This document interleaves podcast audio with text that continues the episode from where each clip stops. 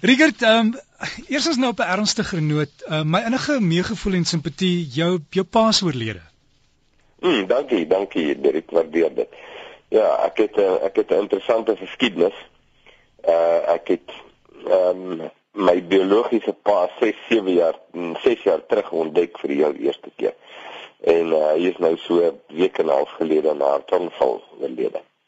En ons het gister die gedenkdiens gehad. So sulke gedenkdienste is is vir my altyd so jy weet dis uh, dis nogal 'n ligter oomblik, jy weet want uh, kyk ek en jy gaan ons nou aan met ons gewone lewe en ons het ons programme en so maar as jy nou skielik iemand naby aan jou in die dood moet afstaan en jy kom nou by die begrafnis of by die gedenkdiens, jy weet dan is daar skielik so 'n helder ligter oomblik in 'n ou se lewe en jy dink skielik aan die lewe nou of mense, dink jy heeltemal anders dan. En uh, en dis 'n belangrike ervaring. Ek sien my kinders wat daar was ook dit was vir hulle ook hulle eerste begrafnis wat hulle bygewoon het en dit was baie hartseer en alles. Dit is 'n belangrike, baie kosbare ervaring om te hê, jy weet want ons ons raak baie keer onder narkose sonder dat ons weet wat regtig belangrik. En dis so finaal, Rickert. Mm. Ja, dis die ding, jy weet ou ou besef net. Uh, ek dink vir baie mense sal nou identifiseer met wat ek sê. Uh, jy weet as jy nou daar is of jy hoor die nuus aanvanklik kan begin jy dink, "Jog, ek moes maar ek moes nog een keer van kuier het of ek moes meer gekuier het of ek moes jy weet daar's altyd iets wat jy voel maar jy kon iets gedoen het en die moes wat jy nou veronderstel was uh om te doen het altyd te doen met gemoedelikheid en met liefde, jy weet, in welwillendheid. Ek moes my hart 'n bietjie meer oopgemaak het of ek jy weet so.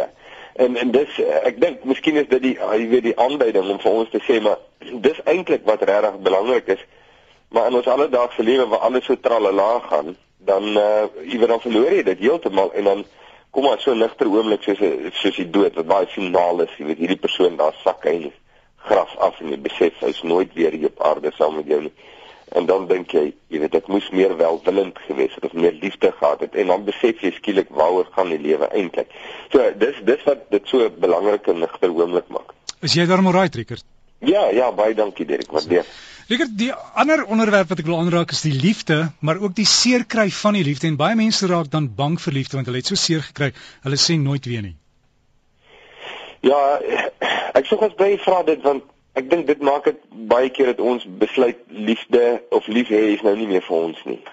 Want want dan kom daar's daar's altyd by liefde is daar risiko betrokke omdat jy kan nie lief hê sonder om jou hart oop te maak nie. Dis die ding. En die oomblik as jy jou hart oop maak, dan is jy jy weet dan jy nou ekskuus nou, ek dink nou in Engels word vulnerable. Jy is dan kwesbaar, dis die woord. En nou as as iemand dan jou liefde sou terugkeer op 'n negatiewe manier, jy weet, jou verwerp of dit nie wil hê nie wat ook al of jou jy weet teleurstel of iets doen wat jy nou nie verwag het nie op 'n negatiewe manier dan dan vang dit jou omdat jy jou nie jou verdedigingsstelsels in plek gehad het nie want jy kan nie verdedigingsstelsels in plek hê en lief hê nie jy weet dit is so 'n bietjie van 'n paradoks op een of ander stadium gaan jy van jou verdedigingsstelsels moet ontslaa raak om jouself bloot te stel sodat jy kan lief hê dis wat liefde vir baie mense so riskant maak so nou kry jy seer want hy het sy hart oopgemaak en nou besluit hy ek gaan nie meer lief hê nie. Bedoelende net ek gaan nooit weer myself oopmaak, kwesbaar maak om dan net weer seer te kry en dan raak mense verskriklik sinies en negatief oor die lewe. Die snaakse ding daarvan is ek miskien net kan byvoeg is ehm um, jy weet as jy nou as jy nou na God toe kom, nee Derrick, en jy gee hom nou die kans om jou te genees en te herstel dan sit hy daai hele siklus in trirad en dit baie keer vir mense nogals uh, traumaties in die begin want hy het homself al so toegewikkel uh, um, in mure, agter mure en skans en verdedigingsstelsels. En skielik vra God die toestemming om die stelsels of skansel skanse en verdedigingsgoeders te lig en dit raak vir ons dan baie keer baie bedreigend en dan voel ons maar die Here moet maar liewerste nie so naby aan my kom werk nie. Hy kan werk my met daar bly daar buite, jy weet, dan voel ek veilig. Maar as ek 'n uh, eh, eh, regtig 'n volkomme werk in my lewe wil hê, dan moet ek die Here toelaat om te werk tot hier in die kern van my hart. En uh, en dit is nogals uh, jy weet, dis dit is nogals 'n ding. Ek weet nie of ek dit 'n avontuur moet noem nie, want dit is vir baie keer vir ons baie bedreigend en skrikwekkend, maar maar dit is die verhaal van die lewe. Valentynsdag wat nou met draai lê, baie mense vier dit, maar dis dis eintlik die boodskap daar agter wat saak maak, Rieker, dat jy vir iemand moet lief wees en vir hulle wysie gee om. Ja, ja, kyk, dit hang nou van die ouderdom ook nou af, nê. Valentynsdag, hoe jy dit nou benader, maar as jy nou as ek nou dink aan my tienerdag, Valentynsdag was maar die dag waar jy nou kon sien of jy ehm um, of jy punte het, jy weet, uh, onder die skoner geslag uh, en of jy jy weet of jy die moeite werd is en of jy nou nie is nie en of jy gewild is en of jy nie is nie. So dit was eintlik maar 'n meningsopname.